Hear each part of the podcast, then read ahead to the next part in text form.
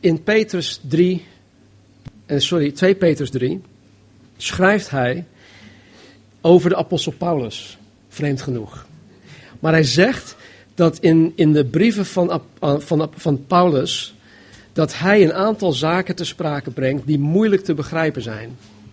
En dat vind ik zo mooi, eh, dat de Bijbel toegeeft dat sommige dingen die in de brieven van Paulus staan gewoon moeilijk te begrijpen zijn. Want dan ligt het dus niet aan mij. Het ligt dus niet aan mij dat ik sommige dingen moeilijk begrijp. Nou, let wel dat, dat Petrus hier aangeeft dat sommige dingen moeilijk te begrijpen zijn. Hij zegt niet dat veel dingen moeilijk te begrijpen zijn.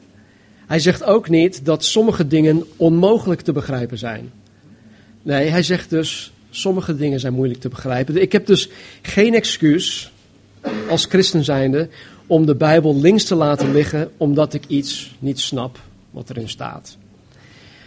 Bovendien zei Jezus in Johannes hoofdstuk 16 vers 13 tegen zijn discipelen dat de Heilige Geest, de Geest der waarheid, hen de weg zal wijzen tot de volledige waarheid. Dit betekent dus voor de trouwe discipel van Jezus Christus dat de Heilige Geest ons de, de, de mogelijkheid geeft om ook de moeilijk te begrijpen dingen die in de Bijbel staan, begrijpelijk te maken. Zelfs kinderen kunnen begrijpen wat er in de Bijbel staat, omdat God de Heilige Geest ons daarin verlegt. Dus met die gedachte laten wij dan uh, verder gaan met onze studie in Matthäus. En wij pakken het vanmorgen op in hoofdstuk 11, vers 12. Volgende week maken we het af. Het hoofdstuk dan, hoofdstuk 11. Matthäus 11, vanaf vers 12. En van de dagen van Johannes de Doper af tot nu toe wordt het koninkrijk der hemelen geweld aangedaan. En geweldenaars grijpen het. Want al de profeten en de wet hebben tot Johannes toe geprofeteerd. En als u het wilt aannemen, hij is Elia die komen zou. Wie oren heeft om te horen, laat hij horen. Maar waarmee zal ik dit geslacht vergelijken? Het is zoals de kleine kinderen die op de markt zitten en hun vriendjes toeroepen. Wij hebben voor jullie op de fluit gespeeld, maar jullie hebben niet gedanst. Wij hebben klaagliederen voor jullie gezongen, maar jullie hebben geen rouw bedreven. Want Johannes is gekomen, hij at niet, hij dronk niet, en ze zeggen, hij heeft een demon. De zoon des mensen, Jezus, is gekomen, die wel at en dronk, en ze zeggen, zie daar een vraatzuchtig mens en een drinker, een vriend van tollenaars en zondaars. Maar de wijsheid is gerechtvaardigd door haar kinderen. Toen begon hij de steden waarin de meeste krachten door hem verricht waren te verwijten dat zij zich niet bekeerd hadden. Wee u, Gorazin, wee u, Bethsaida. Want als Tyrus en Sidon de krachten gebeurd waren die in u plaatsgevonden hebben, dan zouden zij zich al lang in zak en as bekeerd hebben. Maar ik zeg u, het zal voor Tyrus en Sidon verdraaglijker zijn op de dag van het oordeel dan voor u. En u, Capernaum, die tot de hemel toe verhoogd bent, u zult tot de hel toe neergestoten worden. Want als in Sodom de krachten waren gebeurd die in u hebben plaatsgevonden, dan zou het tot op de huidige dag gebleven zijn. Maar ik zeg u dat het voor het land van Sodom verdraaglijker zal zijn op de dag van het oordeel dan voor u. Tot zover. Vader, nogmaals, ik bid dat u onze ogen, onze harten, ons verstand opent. Dat de geest der waarheid, Heer, ons tot de volledige waarheid leidt. En dat ons vanmorgen ook niets, maar dan ook niets in de weg zal staan. Dank u wel. Even kijken. Vorige week. Ja, dit is een beetje een, een rare verdeling, want ik had het vorige week eigenlijk vrij abrupt afgekapt omwille van de tijd. Maar goed, vorige week zagen wij dat Jezus zei dat Johannes de Doper de grootste man was die ooit geleefd had. Maar dat onder het nieuw verbond zelfs de minste geringste wedergeboren christen groter is dan deze grootste man. En vanmorgen gaan we verder met Jezus' getuigenis van Johannes de Doper. En wij zullen gaan kijken naar de respons van de meerderheid en de menigte op het werk van zowel Johannes de Doper als het werk van Jezus zelf. Nou, vers 12. En van de dagen van Johannes de Doper af tot nu toe wordt het koninkrijk der hemelen geweld aangedaan en geweldenaars grijpen het. Dit is één zo'n uitspraak van Jezus die in ieder geval voor mij moeilijk te begrijpen is. Wat ik meestal, of wat ik eigenlijk altijd in zo'n geval doe, ja, in zo'n geval als dit doe, is één, de Heere vragen wat hij ermee bedoelt. Want hij heeft het gezegd, hij heeft het geïnspireerd, hij heeft het door Matthäus laten vastleggen. Dus ik vraag hem wat hij ermee bedoelt. Ten tweede ga ik altijd terug naar de grondtekst. In dit geval zijn het de Griekse, is het de Griekse tekst. En dan ga, dan ga ik de Griekse woorden één voor één helemaal uitdiepen. En ten derde vraag ik de Heer wat hij ermee bedoelt. En dat, dat is een constant proces. Het is, geen, het is geen makkelijk proces, want soms duurt het echt weken voordat ik iets eindelijk snap of voordat God mij uiteindelijk het laat zien. Of voordat ik hem de aandacht schenk, zodat ik ontvankelijk ben voor wat hij mij wil laten zien.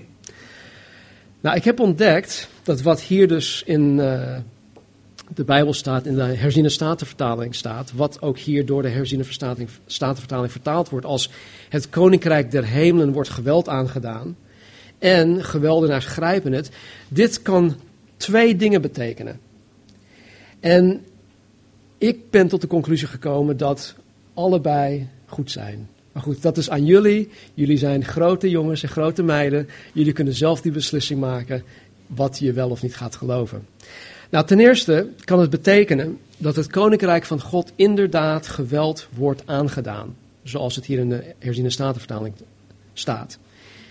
Als we even terugkijken naar hoofdstuk 10, niet letterlijk, maar in onze gedachten, legde Jezus heel duidelijk uit dat hij zijn discipelen uitzond in een vijandige wereld.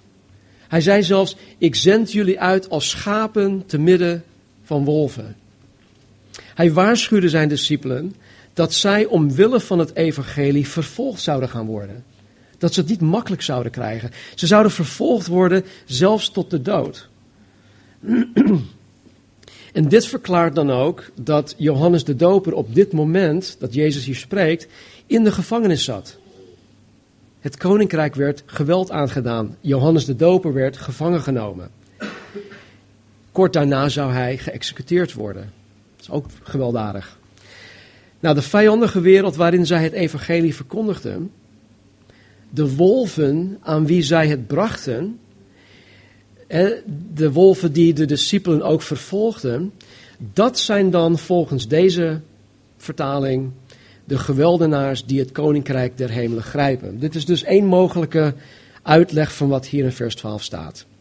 Ten tweede kan het betekenen dat het koninkrijk van God sinds Johannes de Doper met kracht en met geweld als een storm doorbreekt en een geweldig slag toebrengt aan de heerschappij en aan het bolwerk van Satan. Dit is ook een mogelijke uitleg. Want zowel Johannes de Doper als Jezus hebben behoorlijk veel schade gericht aan het bolwerk van Satan.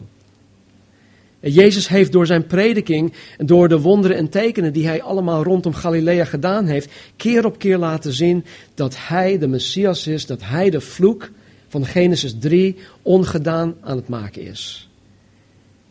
Jezus is het licht. En waar het licht komt, moet de duisternis wijken. Het kan niet anders. Als wij hier s'avonds komen en het is pikdonker en we hebben hier een blackout buiten. En ik steek hier en ik doe hier een, een, een licht aan. Wat gebeurt er met de duisternis? Het gaat weg. Het verdwijnt. En dat is ook met, met Jezus. Jezus komt, hij schijnt met zijn licht en de duisternis moet wijken. Nou, in deze tweede mogelijke uitleg zijn de geweldenaars die het koninkrijk grijpen niet mensen die, ja, hoe moet ik het zeggen, moeiteloos het koninkrijk willen ingaan. een beetje laconiek, hand in de zak, een beetje eh, zo op die manier het koninkrijk in willen gaan.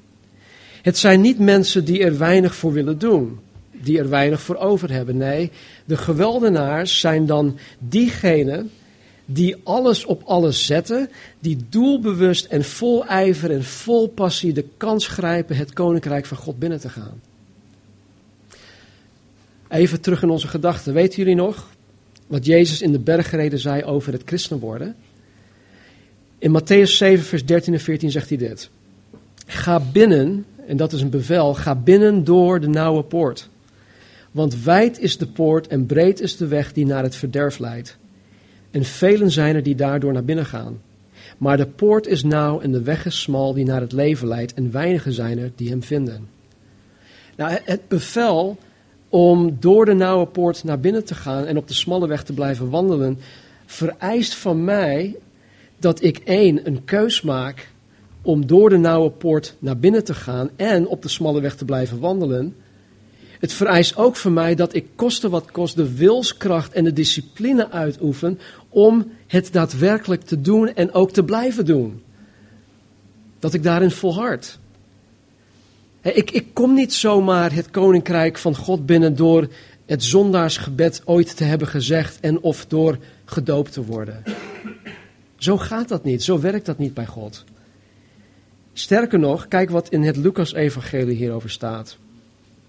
Ik zal het uh, voorlezen, het is één vers, Lucas 13, 24. Hij zegt, Jezus zegt hier, strijd om binnen te gaan door de nauwe poort. Strijd om binnen te gaan door de nauwe poort. Want velen, zeg ik u, zullen proberen binnen te gaan en het niet kunnen.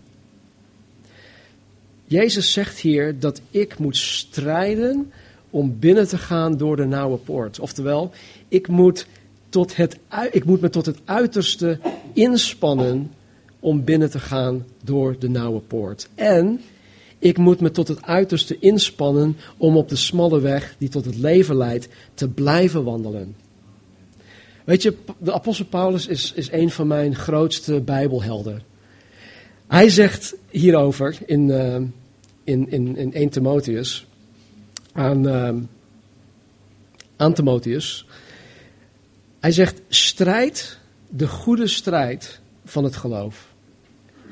Hij zegt dit tegen een, een jonge voorganger die hij achtergelaten had in de Efeze om daar de boel uh, op te bouwen. En hij zegt tegen hem: strijd de goede strijd van het geloof. Grijp naar het eeuwige leven waartoe u ook geroepen bent. Het is precies hetzelfde wat Jezus zegt. Strijden, grijpen. Het is niet voor de onverschilligen. Het is voor de vastberaden, die, die, de vastberaden mens die iets voor ogen heeft en die gaat ervoor.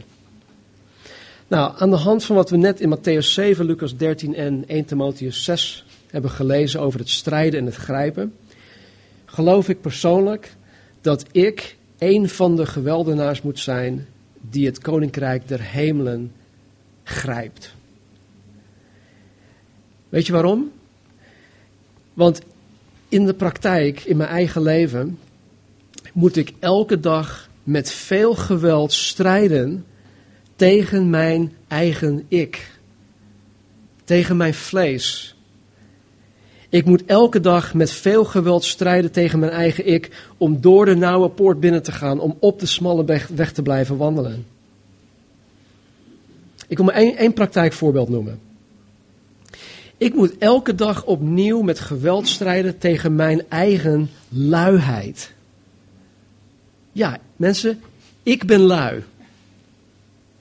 Misschien zien jullie mij niet zo, maar ik ben hartstikke lui. God wil eh, dat, dat ik, zoals Jezus, extra vroeg opsta om de dag met Hem te kunnen beginnen. God wil dat ik, zoals Jezus, extra vroeg opsta om Hem te gaan zoeken in, in gebed, in het woord. God wil voordat de drukte van de dag begint tot mij spreken. God wil mijn volledige aandacht hebben. Voordat ik mijn telefoon aandoe, voordat ik mijn computer aandoe, voordat ik de krant lees, voordat ik met mijn vrouw in gesprek ga. Voor al deze dingen wil God tot mij spreken. Hij vereist mijn aandacht. Hij wil mij voorbereiden op wat er op die dag allemaal gaat komen. Jullie weten niet wat morgen gaat gebeuren. Als jullie morgenochtend opstaan, jullie hebben geen flauw idee wat er op die dag zal gaan gebeuren. Misschien hebben jullie agenda wel. Maar laten we eerlijk zijn, we weten niet wat ons kan overkomen. God weet het wel. En Hij is degene die ons daarop wil voorbereiden. Elke ochtend weer opnieuw. Maar weet je, mijn lichaam protesteert. Mijn lichaam wil eigenlijk toch iets langer blijven slapen, want ja, ik ben moe. Ik ben vermoeid. Ik heb slecht geslapen, of ik heb een drukke dag, of ik heb een drukke week, of een drukke maand, of een druk leven gehad. En ik heb gewoon rust nodig. Dus de keus is elke keer weer aan mij of ik met geweld tegen mijn luiheid strijd en vervolgens de vruchten ervan pluk, of dat ik toegeef aan mijn luiheid en als gevolg mis wat God voor mij op die bewuste dag in petto heeft. En weet je, dit is weer echt zo, zo mooi van Paulus. Hij zegt in 1 Korinthe 9, 25. Hij zegt, ik oefen mijn lichaam op harde wijze en maak het dienstbaar. In het Engels staat er, I beat my body. Ik sla mijn eigen lichaam helemaal tot het punt dat het, dat het, dat het zich onderwerpt aan God. Ik oefen mijn lichaam op harde wijze en maak het dienstbaar. Paulus is in controle over zijn lichaam, over zijn luiheid, over zijn vermoeidheid. Niet zijn lichaam. En grijp ik dan met geweld aan wat God voor mij voor die dag in petto heeft, of laat ik dat links liggen? Ik moet elke dag met veel geweld strijden tegen mijn vlees, had ik net gezegd.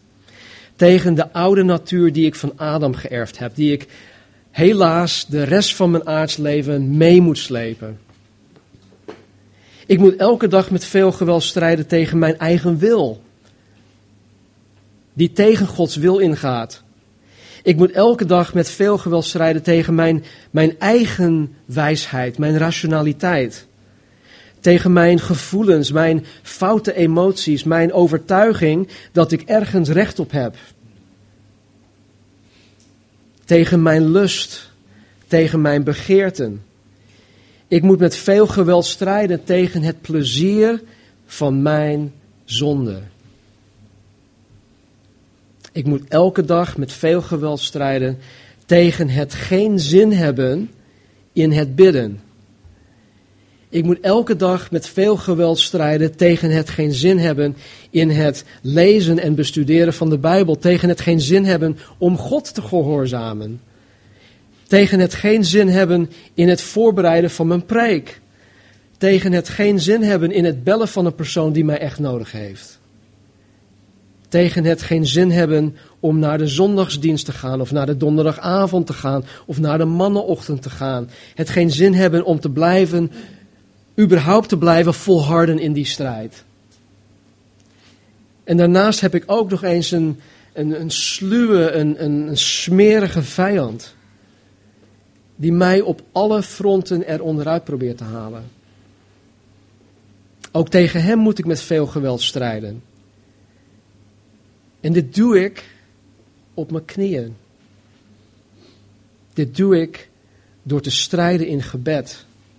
Ik kan Satan niet op eigen kracht aan. Dat kan echt niet.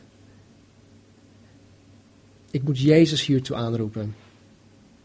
Maar weet je, ondanks dat ik weet dat de strijd tegen Satan gewonnen wordt door gebed, als ik dat jullie vraag, zouden jullie dat allemaal zeggen: Amen. Je hebt helemaal gelijk.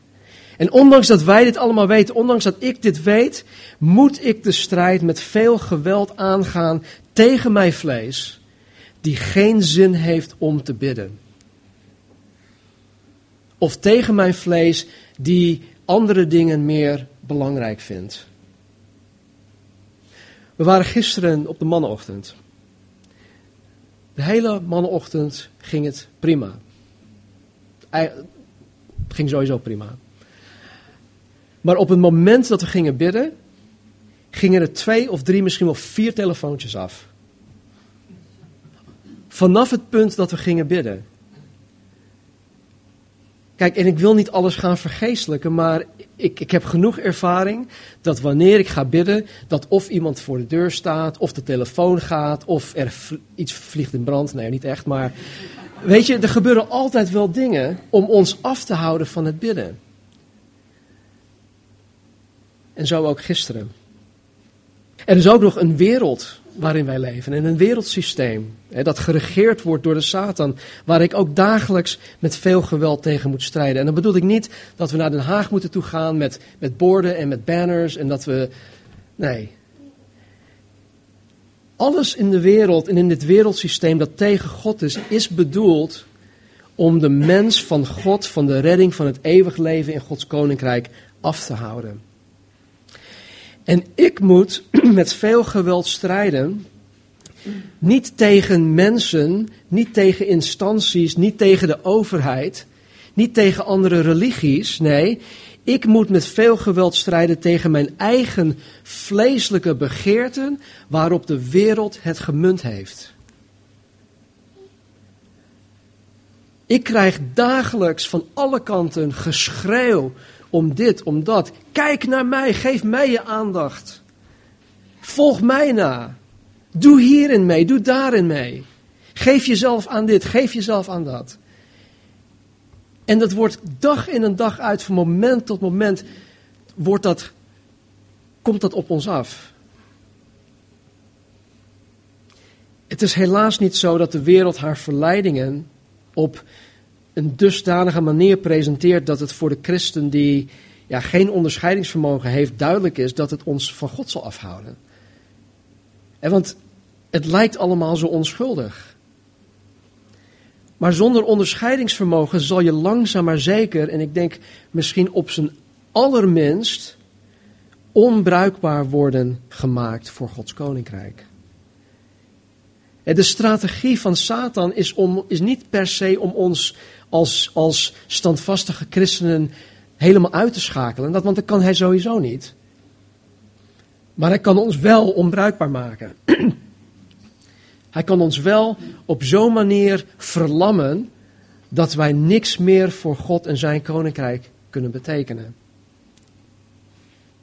Strijd ik met veel geweld tegen mijn eigen vleeselijke begeerte waarop de wereld het gemunt heeft? Grijp ik met geweld aan wat God voor mij daarvoor in de plaats heeft? En van de dagen van Johannes de Doper af tot nu toe wordt het koninkrijk der hemelen geweld aangedaan. En geweldenaars grijpen het. Vers 13. Want al de profeten en de wet hebben tot Johannes toe geprofeteerd. En als u het wilt aannemen, hij is Elia die komen zou. Nou, omwille van de tijd ga ik er nu niet op in wat Jezus bedoelt met hij is Elia die komen zou. Hier kom ik straks in hoofdstuk 16 op terug. Wie oren heeft, vers 15, wie oren heeft om te horen, laat hij horen. Nou, deze woorden worden vaker door Jezus gebruikt wanneer er sprake is van een moeilijk te begrijpen boodschap. En tot meerdere malen toe zei Jezus dit na, na een gelijkenis. En dan zegt hij, wie oren heeft te horen, laat hem horen.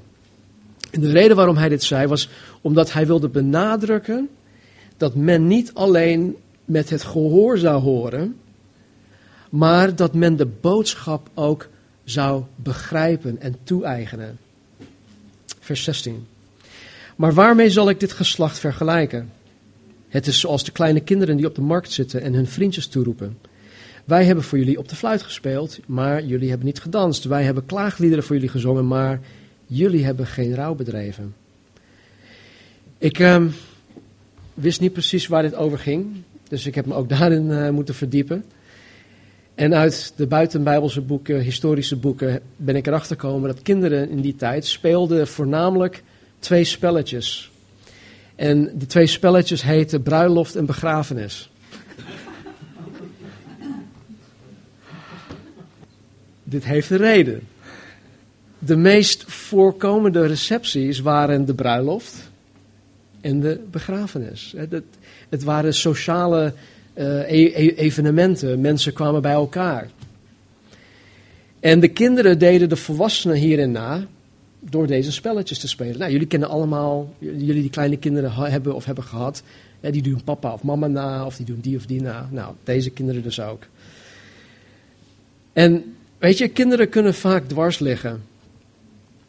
En dan willen ze of wel of niet meedoen met een bepaald spel. En de een wil dit spelletje spelen, de ander wil dat. Dus Jezus gebruikt eigenlijk um, wat de, spelletjes die de kinderen speelden als voorbeeld. als, je, als je tien kinderen in de kamer hebt en uh, nou, de helft wil bruiloft spelen, waarschijnlijk de vrouwen, de, de meisjes. En, en de jongens willen dan begrafenis spelen. Ik noem maar wat. Maar goed, dan heb je aan de ene kant alle meisjes die dan, die dan gaan, die op de fluit gaan spelen. En ja, dan moeten de jongens gaan dansen, maar dan dansen, dansen ze niet. En dat bedoelt Jezus dus. Ja, jullie, jullie doen eigenlijk niet wat wij, wat wij willen. Jullie zijn net kleine kinderen. En hij, hij vergelijkt dan de ongelovige Joden met deze kleine kinderen. Goed, vers 18. Johannes is gekomen, hij at niet en hij dronk niet en ze zeggen hij heeft een demon. De zoon des mensen, dat is dus Jezus, is gekomen, die wel at en dronk. En zij zeggen, zie daar een vraatzuchtig mens en een drinker en een vriend van tollenaars en zondaars. Maar de wijsheid is gerechtvaardigd door haar kinderen. Nou, bij deze hardnekkige Joden was het eigenlijk nooit goed. En dat lazen we net. Johannes, die at niet. Hij onthield zich van allerlei luxe. Hij is bezeten. Jezus die at heel vaak, die dronk ook en die ging ook uh, met tollenaars om en met zondaars om. Hij ging naar de plekken waar wij misschien zelfs niet eens willen komen. Daar ging Jezus naartoe om mensen te bereiken. En dan noemen ze hem een, een vraatzuchtig mens. Een... Het was eigenlijk dus nooit goed. Het doet me eigenlijk een beetje denken aan een uh, bepaald volk die altijd over het weer klaagt.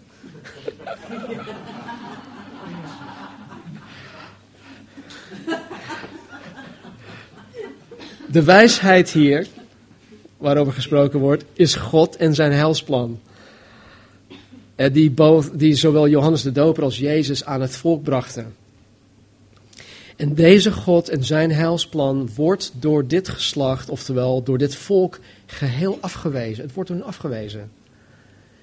Maar deze God en zijn heilsplan wordt gerechtvaardigd. Oftewel, het wordt goedgekeurd door haar kinderen, door degenen die wel geloven. Met andere woorden, Jezus zegt hier, als het ware, de praktijk zal uitwijzen dat Johannes de Doper en ik, Jezus, gelijk hebben. Vers 20. Toen begon hij de steden waarin de meeste krachten door hem verricht waren te verwijten, dat zij zich niet bekeerd hadden. Wee u, Chorazin, wee u, Bethsaida. Want als in Tyrus en Sidon de krachten gebeurd waren die in u plaatsgevonden hebben, dan zouden zij zich al lang in zak en as bekeerd hebben. Maar ik zeg u, het zal voor Tyrus en Sidon verdraaglijker zijn op de dag van het oordeel dan voor u. Nou, ten eerste is het wee geen vervloeking van Jezus. Hij, hij vervloekt hun hier niet mee. Het is eerder een uitdrukking van verdriet van Jezus over deze mensen die door hun ongeloof onder Gods oordeel blijven staan. Ja, Tyrus en Sidon, dat waren geen eens Joodse steden, dat waren heidense steden. En beide steden waren jaar, honderden jaren geleden daarvoor door God veroordeeld wegens hun goddeloosheid en omdat zij, vijandig, omdat zij zich vijandig hadden opgesteld tegen Israël. En hier zegt Jezus dat dat als Jezus in die vijandige steden, in deze heidense steden uh, was verschenen, als Jezus zijn messiaans ding daar had gedaan, en zoals hij dat in Goras in Bethsaida had gedaan, dan hadden Tyrus en Sidon zich al lang bekeerd. En u, Capernaum, die tot de hemel toe verhoogd bent, het was een geweldige stad. U zult tot de hel toe neergestoten worden. Want als in Sodom de krachten waren gebeurd die in u hebben plaatsgevonden, dan zou het tot op de huidige dag gebleven zijn. Maar ik zeg u dat het voor het land van Sodom verdraaglijker zal zijn op de dag van het oordeel dan voor u. Tot slot wil ik even een aantal observaties met jullie delen. Ten eerste, Jezus vergelijkt hier de Joodse steden met heidense steden. De Joden, die hoorden God te kennen. Die hoorden God te kennen. En ze waren in de kerk als het ware opgegroeid. Ze kenden de Bijbel. Zij verwachten de Messias. Daarentegen kenden de heidenen de God van de Bijbel totaal niet. Ze hadden geen flauw idee wie de God van de Bijbel was. Ze wisten niets van de kerk af of van de Messias.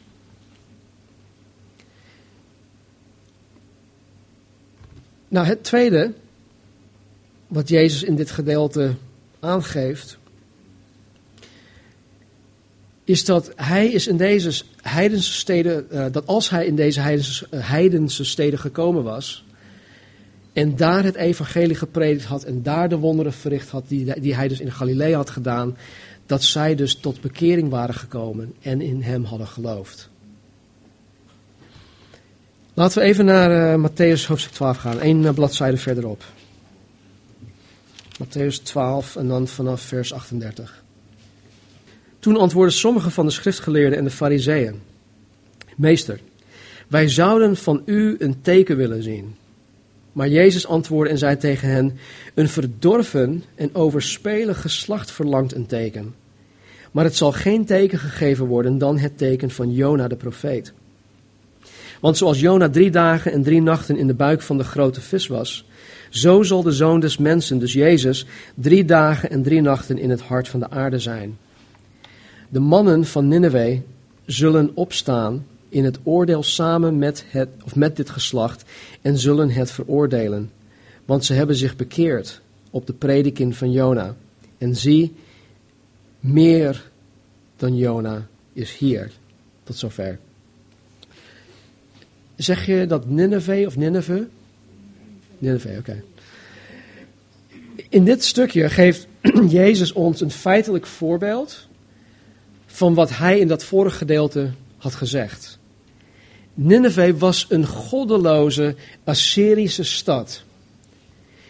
En God stond echt, hij stond op het punt om die hele stad en de hele bevolking te vernietigen. Maar God wilde hen een kans geven. Hij wilde hen nog redden. Dus wat deed hij? God stuurde Jona daar naartoe. Nou, jullie kennen het verhaal misschien wel van Jona. Jona die, die kreeg de opdracht van God. Hij zegt, nee, daar ga ik niet naartoe. Dat zijn een, een, een, hoop goddeloze mensen. Zij verdienen om door u gestraft te worden. God, zoek maar een ander. En hij ging weg. Goed, ander, dat is een heel ander verhaal. Maar God wilde dus hun een kans geven. En hij stuurde Jona naar hen toe. Uiteindelijk is Jona wel daar naartoe gegaan. En wat gebeurde daar? Jona predikte daar het evangelie. En de hele stad kwam tot geloof. De hele stad bekeerde zich. Waardoor de stad bewaard werd door God. Nou, in mijn eigen beleving landt het evangelie beter bij heidense, goddeloze mensen die echt bewust zijn van hun zonde. Het landt beter in mijn beleving bij dit soort mensen dan bij brave mensen sorry dat ik het zo moet stellen, die bijvoorbeeld in een christelijke omgeving opgegroeid zijn. En weet je, dat komt ook vaak tot uiting in hoe zij omgaan met het werk dat Jezus Christus aan het doen is. De zondaar die Jezus aan het werk ziet gaan, die is gewoon laaiend enthousiast over de allerkleinste dingen die hij Jezus ziet doen. De allerkleinste dingen die, die de, zoals de doorsnee christen misschien voorbij gaan. En deze zijn vaak zeer toegewijd aan Jezus. Deze zondaren die dan echt uit de slijk getrokken zijn door God, die gered zijn, die geven vaak kost wat kost alles voor de zaak van Jezus Christus. En niets is voor hen te moeilijk, niets is voor hen te, te, te onmogelijk of onmogelijk, niets is voor hen te lastig of vervelend of te veel gevraagd. Daarentegen, als de, de brave christen Jezus überhaupt aan het werk ziet, dan is dat voor hem of haar meer gewoon En weet je, het, het raakt hen toch een stuk minder dan degene die Jezus echt aan het werk ziet. En dat komt ook tot uiting in, in, in ja, hoeverre hij of zij is toegewijd aan Jezus. Deze zijn toch vaak minder toegewijd aan Jezus. Deze zijn toch vaak eigenlijk lauw in hun toewijding. Deze zijn vaak, of deze hebben vaak ook nog bepaalde reserves. Ze zijn terughoudend. Dingen zijn vaak nog te moeilijk of onmogelijk of niet belangrijk of te lastig of te vervelend of te belastend of te veel gevraagd. Tot slot dit. Echt tot slot. Lucas hoofdstuk 7.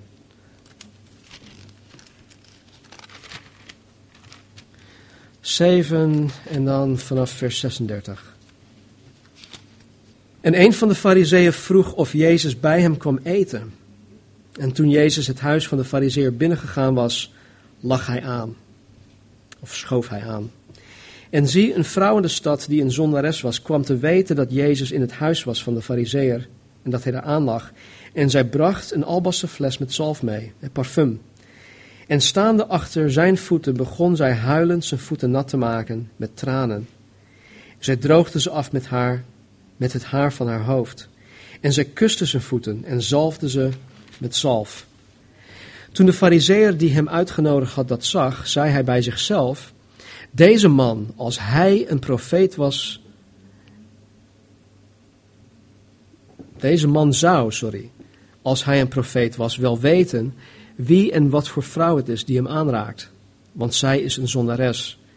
Maar Jezus antwoordde en zei tegen hem, Simon, ik heb u iets te zeggen. Hij zei, meester, zeg het.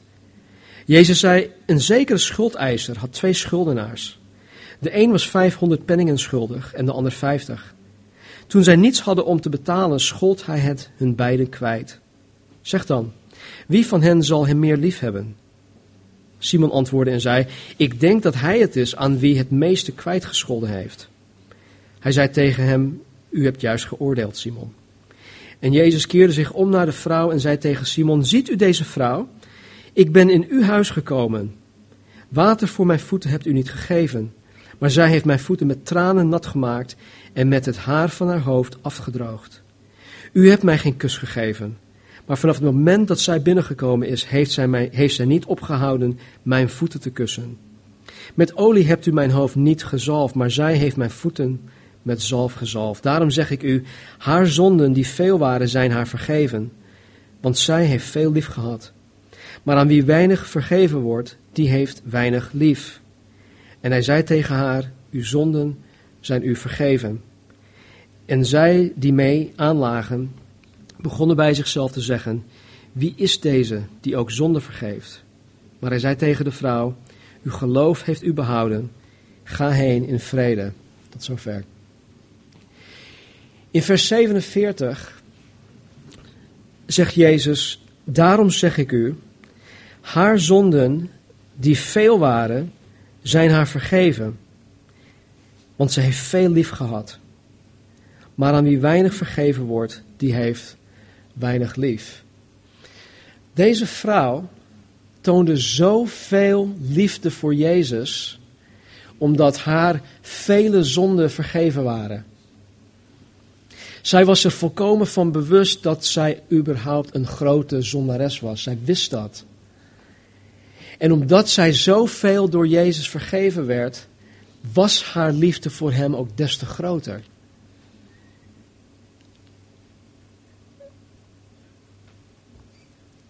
Hoe zie jij jezelf ten aanzien van jouw liefde voor en toewijding aan Jezus? Je hoeft dat niet hardop te zeggen. Maar als je je eigen leven, je eigen hartsgesteldheid even de revue laat passeren. Hoe zie jij jezelf ten aanzien van jouw liefde voor Jezus?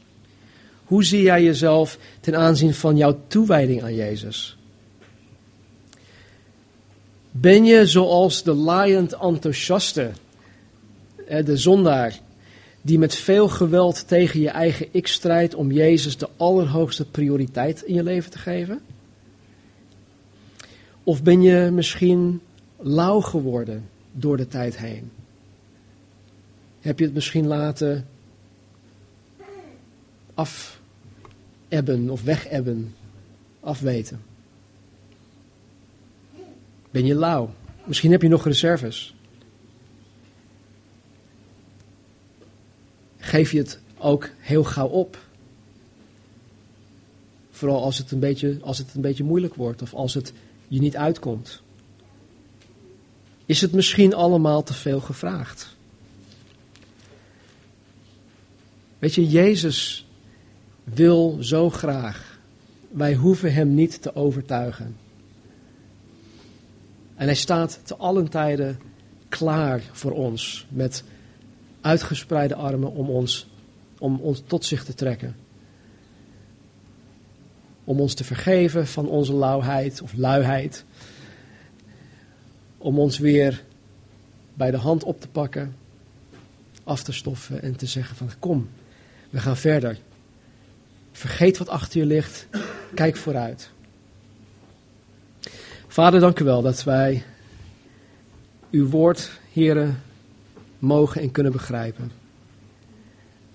Dank u wel voor uw heilige geest, de geest der waarheid, heren, die ons verstand verlicht, die onze harten verlicht, die, ons, die onze ogen opent. Dus heren, ik geloof met heel mijn hart dat u vanmorgen door uw woord, door uw geest tot ons gesproken hebt. Dus hier mijn gebed vanmorgen is, maak ons strijders. Maak ons strijders, heren. Zet ons, Vader, in vuur en vlam voor uw zaak. En help ons om, om alles te doen wat u van ons verlangt. Heren, we zullen nooit bij u in het krijt staan. Of u niet bij ons. Alles wat u van ons vraagt, Heer, zal u dubbel en dwars teruggeven. En Heer, waar sommigen van ons dat misschien nooit hebben meegemaakt. Vader, laat hen vanaf deze dag gaan meemaken dat u veel meer geeft dan dat u vraagt. Tegelijkertijd, Vader, doordring ons van het feit dat wij, ja, dat wij moeten strijden. Dat wij er iets voor moeten doen, dat wij er veel voor over moeten hebben. Dat zoals Paulus zegt, ik oefen mijn lichaam om het dienstbaar te maken. Leer ons dat, Vader. Leer ons dat. En help ons, heren, om u te behagen in alle dingen. In Jezus' naam. Amen. Amen. Maak ons strijders. Laten we gaan staan.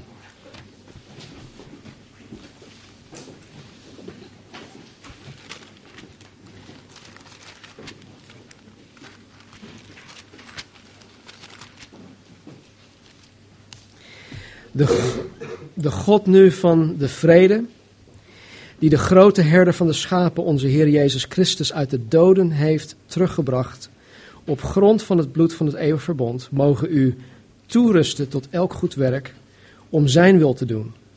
En in u werken wat in Zijn ogen welbehagelijk is door Jezus Christus. Hem zij de heerlijkheid in alle eeuwigheid. Amen. Amen. God zegen jullie.